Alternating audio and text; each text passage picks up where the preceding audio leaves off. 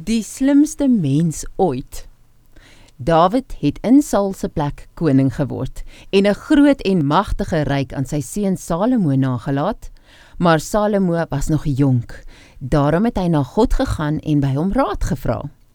Daardie nag het God aan hom verskyn en vir hom gesê hy kan vra net wat hy wil en hy sal dit kry. Toe sê Salomo: "Here, ek is nog baie jonk. Ek weet nie hoe om 'n land te regeer nie." Daarom vra ek dat U my gehoorsaamheid aan U sal gee en insig sodat ek die mense reg kan lei. Toe sê die Here, omdat jy dit gevra het en nie rykdom of 'n lang lewe nie, sal ek dit vir jou gee. Ek gee aan jou wysheid en insig soos niemand nog ooit gehad het nie. En daarbey gaan ek ook al die ander dinge gee wat jy nie gevra het nie: rykdom, beroemdheid, 'n lang lewe en vrede.